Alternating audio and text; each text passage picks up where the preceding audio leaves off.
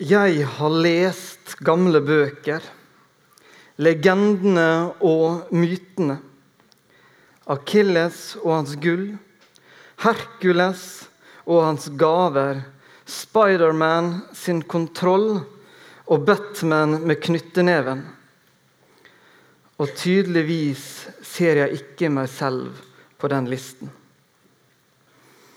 Slik starta sangen 'Something Just Like This' med Coldplay, som vi hørte i starten når konfirmantene kom inn. Kanskje er det noen av dere konfirmantene eller vi andre som kan føle det litt slik av og til. At det er noen tanker vi har for livet. Noen ting vi drømmer om. Og så blir det ikke helt slik som vi ønsker. Vi får ikke helt til det vi hadde lyst. Men kanskje vi kan legge til noen navn på lista der. Kanskje kan vi si Helene Olafsen og hennes sjarm. Klæbo og Rykke. Eller Ada Hegerberg og skuddet hennes. Eller Aksel Lund Svindal med sine rå krefter. Vi går så ofte rundt, og så måler vi oss sjøl. Og oss sjøl kjenner jo vi både på godt og vondt. Veit hvordan det står til både på utsida og innsida. Og så måler vi det mot et glansbilde av det vi ser hos andre. Er det riktig, da?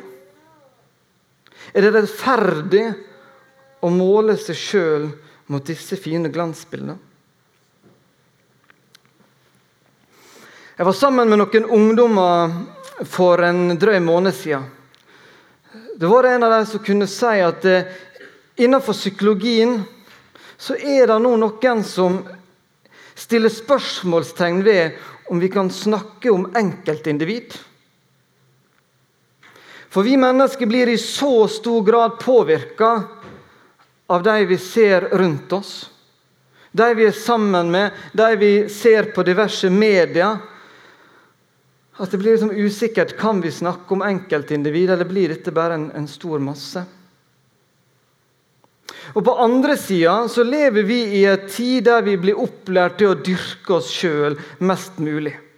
Sette oss sjøl i sentrum, gjøre det som vi har mest lyst til å gjøre. Og Da kan jo dette bli en litt vanskelig spagat. da. På den ene sida skulle dyrke seg sjøl og gjøre det han har mest lyst til, og på den andre sida å finne ut hvem du er. Det skal du gjøre ved å se på andre mennesker og se hva de liker ved den du er. Jeg tenker at jeg forstår hvorfor en del mennesker, kanskje særlig unge mennesker, snakker om at de kan bli slitne.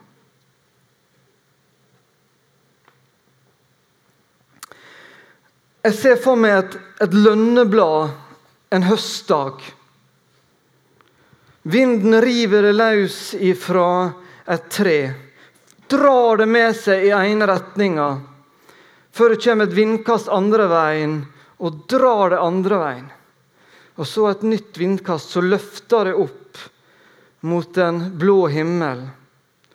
Men bare sekundet etter at alt så så lyst ut og framtida så fin ut, så deiser bladet mot bakken og blir liggende i en sølepytt.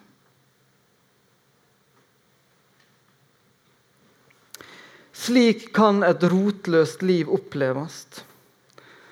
Og nettopp det er det en del liv som forteller om. Kanskje særlig unge liv. Men inni en slik verden så har jeg noe spennende å komme med fra Bibelen i dag.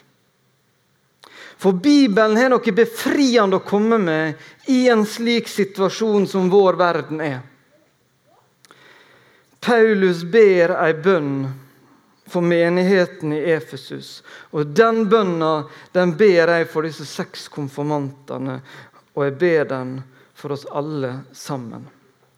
Vi skal lese noen få vers derifra. Derfor bøyer jeg mine knær for Far, Han som har gitt navn til alt som kalles Far i himmel og på jord. Må Han som er så rik på herlighet, gi deres indre menneske kraft og styrke ved sin ånd. Må Kristus ved troen bo i deres hjerter, og dere stå rotfestet og grunnfestet i kjærligheten. Må dere sammen med alle de hellige bli i stand til å fatte bredden og lengden, høyden og dybden, ja, kjenne Kristi kjærlighet som overgår all kunnskap. Vi begynner på starten igjen. Derfor bøyer jeg mine knær for Far, Han som har gitt navn til alt som kalles Far i himmel og på jord. Da Adam og Eva spiste av dette treet, denne frukta i Edens hage som de ikke skulle spise av, så var det et opprør. Det var et opprør fordi at de hadde lyst å være Gud sjøl. De hadde ikke lyst til å bøye kne for noen. De ville være sine egne sjefer. Og det er noe vi mennesker kjenner på ganske så ofte. Vi har lyst til å bestemme sjøl. Vi har lyst til å være uavhengige. Vi har ikke lyst til å alltid bry oss om hva andre mener, men gjør det som er rett for oss. Men der kommer altså Bibelen inn med et budskap og sier at det er noe som er bedre for oss enn å tenke på oss sjøl. Jeg har et inderlig ønske om at eh, dere konfirmanter og vi andre kan være modige og trosse egoistiske tanker og si at jo, vi ønsker å bøye kne. For Han som har skapt alt i himmelen og på jorda. At vi kan si at det er Han som er Herre. Bibelen sier at det å frykte Gud er begynnelsen til visdom. Det å frykte Gud handler ikke om å være redd han, men det handler om å la Han være Gud. Det handler om å tenke at han vet best. At han forstår meg bedre enn jeg sjøl. At hans bud er gode. At han sendte sin egen sønn Jesus Kristus til verden for å frelse meg. Og det var nødvendig. Jeg håper at vi kan ta med oss det her. For det er nemlig slik at vi mennesker vi er ikke skapt til å være guder. Vi får ikke det til. Det går ikke bra for oss når ting blir for løst, og det bare flyter, og det ikke er noe som er sant og rett. Vi trenger det. Idet vi bøyer kne for Gud, og sier at han er Gud, så kommer det en sannhet inn i livet vårt. Det kommer noe vi kan holde oss fast til. I Salme 40 forteller David om at han var i en vanskelig situasjon. At han følte han sto med gjørme opp etter beina så får han et møte med Gud, får bedt om tilgivelse. Så sier han det som å oppleve at han ble dratt opp av denne gjørma og plassert på fjell.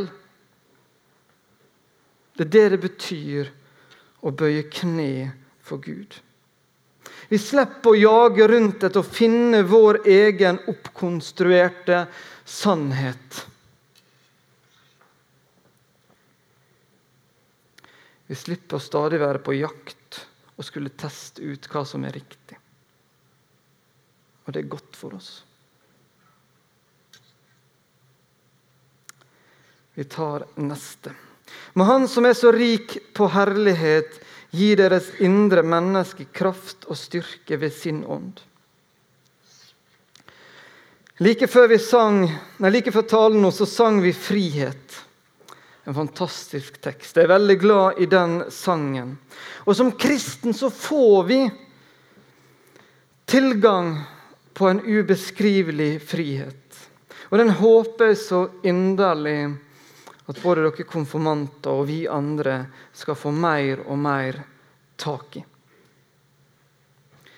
Det tar av og til tid å forstå det. Jeg skal prøve å forklare litt. Som vi sang i sangen, eller som vi så i sangen fra Coldplay, så er det vanlig og normalt å se seg rundt, se på andre, sammenligne seg. Ingen av oss klarer oss uten å gjøre det. Men samtidig så når vi ikke de målene vi ønsker. Og Hvis vi klarer å nå noen av det, at vi, vi ser der er noen mennesker som vi vil sammenligne oss med og prøve å klare å gjøre det samme Hvis vi skulle få det til, da, så vil det dykke opp et nytt mål som er større og som er vanskeligere, og som vi jager mer og mer etter. Vi blir dratt inn i et dragsug som vi ikke kommer oss ut av så lett. Hvis det er skjønnheten til et eller annet veldig pent menneske du søker etter, så vil du aldri bli fornøyd med det du ser i speilet om morgenen. Er det heltestatusen i guttegjengen du så gjerne skulle hatt, så vil du neppe klare å kapre den uten at det koster deg for mye. Denne kampen kjenner vi på vi gjør det alle sammen. Jeg skulle gjerne kunne sprunget like kjapt som Gunnar som sitter her framme, far til en av konfirmantene. Jeg skulle veldig gjerne gjort det. Jeg skulle gjerne vært like praktisk som Steffen Terkelsen. Fått det like fint rundt meg som han får det til. Og jeg skulle veldig gjerne klart å holde disse talene her i misjonssalen og fått til å være like morsom som Øystein Gjerme, pastor i Salt, Bergen, og få fram disse poengene sånn som han gjør. Jeg gjør ikke det. Men det er noe med det å sammenligne den jeg er, med disse glansbildene jeg ser. Når Paulus ba for disse Efesus at de skal bli sterke i sitt indre menneske, så handler det om å bli trygg i den vi er. At vi i oss sjøl, i det å være skapt av Gud, kjøpt fri av Jesus, at det har en enorm egenverdi. At Gud sjøl har lagt ned noen egenskaper i hver enkelt av oss som er til det beste for vårt forhold til Gud, og til beste for de mennesker vi lever sammen med. Så lenge vi lever i denne verden, så kommer vi til å sammenligne oss med andre. Men jeg håper at dere konfirmanter og vi andre stadig kan ta noen skritt i å klare og se hvem Bibelen sier vi er, og tro på det. La det synke inn. Jeg kjenner at jeg er langt mindre avhengig av å måle meg sjøl med andre enn hva jeg var for noen år siden. Og det er deilig.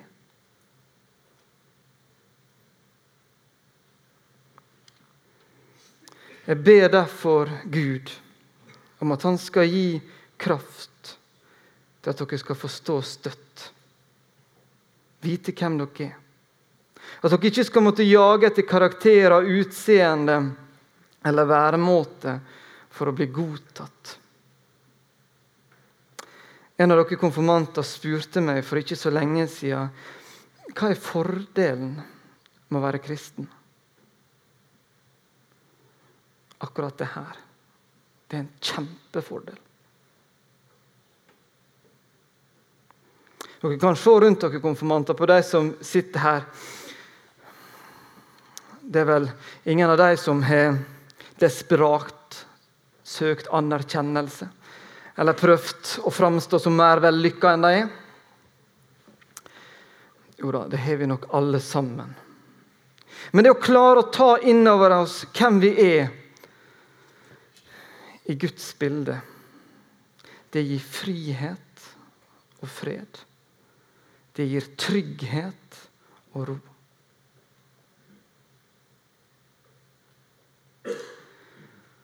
Må Kristus ved troen bo i deres hjerte, så dere står rotfestet og grunnfestet i kjærligheten.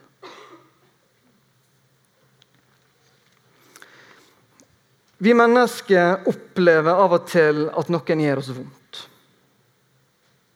Jeg hadde en slik opplevelse for en stund siden. Jeg ble skuffa, jeg ble lei meg, og jeg følte jeg hadde grunn til det. Og tenkte kanskje jeg kom til å være det en stund. Men så gikk ikke det så lenge før jeg tenkte nei, dette her vil jeg tilgi. Dette vil jeg legge bak meg. Neste gang jeg møter dette mennesket, så skal det være som det aldri har skjedd.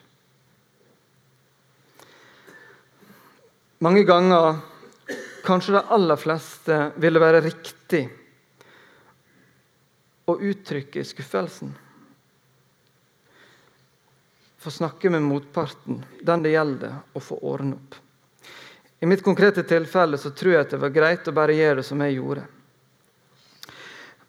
Men det å vite at Jesus har tilgitt meg alt det galt jeg har gjort,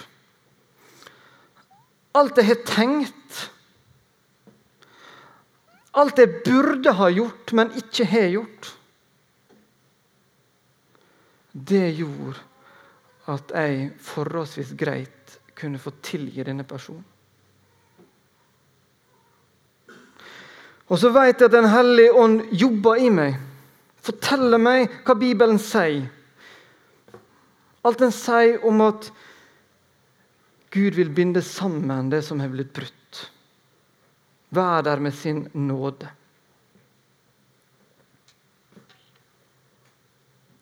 Som kristen så skal vi faktisk forvente å bli tilgitt. Vi har lov til å forvente det av de andre i menigheten vår, at de tilgir oss. Som pastor her i misjonssalen så opplever jeg at det skjer at jeg ikke får til det både andre og jeg sjøl forventer av meg. Strekker ikke alltid til. Men så kan jeg forvente at denne menigheten tilgir meg. Og det er forkjent på kroppen. Men jeg har også vært en del av et fellesskap en gang der jeg følte at nåden var manglende. At det var vanskelig å bli tilgitt. Så jeg veit litt av forskjellen. Og det er rett og slett til å kjenne på tårer i øyekroken å bli mo i knærne av det å få være en del av et fellesskap som tilgir. Som er god på tilgivelse. Det er dette det handler om å stå rotfesta og grunnfesta i kjærligheten. Når Paulus ber om det, så er det fordi at Gud elsker oss først Derfor skal vi få lov til å elske. Fordi Han har tilgitt oss, så skal vi få lov til å tilgi og forvente å bli tilgitt. Paulus' bønn er at vi må stå rotfesta og grunnfesta i kjærligheten. Ja, hva slags kjærlighet, da? Jo, Guds kjærlighet til oss.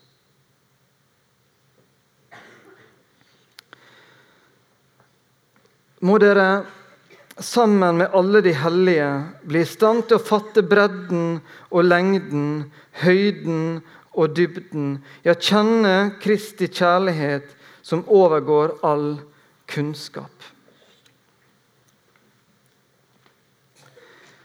Jeg kjenner en klok mann Han var en gang læreren min mens jeg studerte teologi. For kort tid siden så leste jeg noe som han har skrevet, som etter hvert kommer på trykk. Der skrev han noe som jeg syntes var veldig sterkt. Så skrev jeg til han og spurte kan jeg få lov til å bruke det sitatet ditt her i dag. Så sa han at det ville han veldig gjerne. Sverre Bø har sagt vi blir kristne enkeltvis, men vi forblir kristne i og gjennom fellesskap med andre. Tok dere den? Vi blir kristne enkeltvis, men vi forblir kristne i og gjennom fellesskap med andre. Til lenge vi lever, til lenge vi får jobbe med Guds ord, til mer forstår vi storheten i det. Men det er altså en klok måte å utforske Gud, Guds ord, på. Det er det kristne fellesskapet. Det er menigheten. Det fins ikke noe viktigere i denne verden enn å bli vart som kristen. Bibelen sier om du blir verdens rikeste, om du blir verdens mest berømte, så betyr det ingenting om du mister det evige liv. Jeg vil så gjerne at dere seks konfirmantene skal få bli bevart i trua og at dere skal få bli og dette skal dere få oppleve i det kristne fellesskapet. Jeg håper at dere får med dere det fra konfirmasjonstida. At dere blir opptatt av å søke et kristent fellesskap. At dere blir her i misjonssalen så lenge dere bor i Ålesund. Kanskje blir dere her lenge. Eller der dere er. At dere går på lagsmøte på skolene dere er på, dere kommer til å studere på. Finner dere en menighet hvis dere reiser vekk for å studere? Jeg kommer til å se etter dere. Og når dere kommer om fem-seks år tilbake og er med på julegudstjeneste her, så kommer jeg til å spørre dere hvor er dere nå, dere åndelige hjem? Jeg håper da at dere kan gi meg et svar. Husk at det er det kristne fellesskapet. I og gjennom det at dere blir bevart. Jeg har lest gamle bøker, legendene og mytene, Akilles og hans gull, Herkules og hans gaver, Speidermenn sin kontroll og Batman med knytteneven. Og tydeligvis ser jeg ikke meg selv på den listen.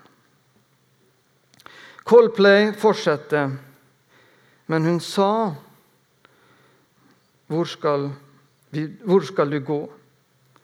Hvor mye vil du risikere? Jeg leter ikke etter noen med overnaturlige gaver, ikke noen superhelt. Ikke eventyrlig lykke, bare noen jeg kan venne meg til noen jeg kan kysse.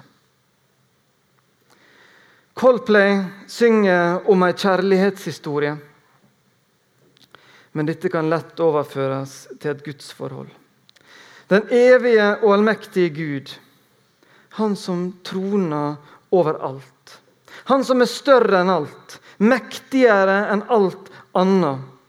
Han som er skapt deg og meg stiller oss spørsmålet hvor skal vi gå?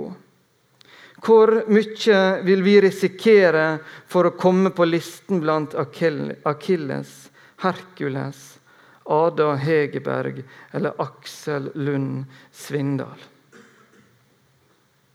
Gud søker ikke det overnaturlige. Han er sjøl både det naturlige og overnaturlige. Men han søker slike som deg og meg. Han har gitt alt. Sin egen sønn for å kunne kalle oss sine barn.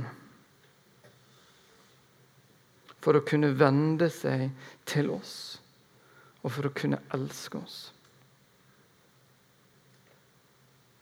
Amen.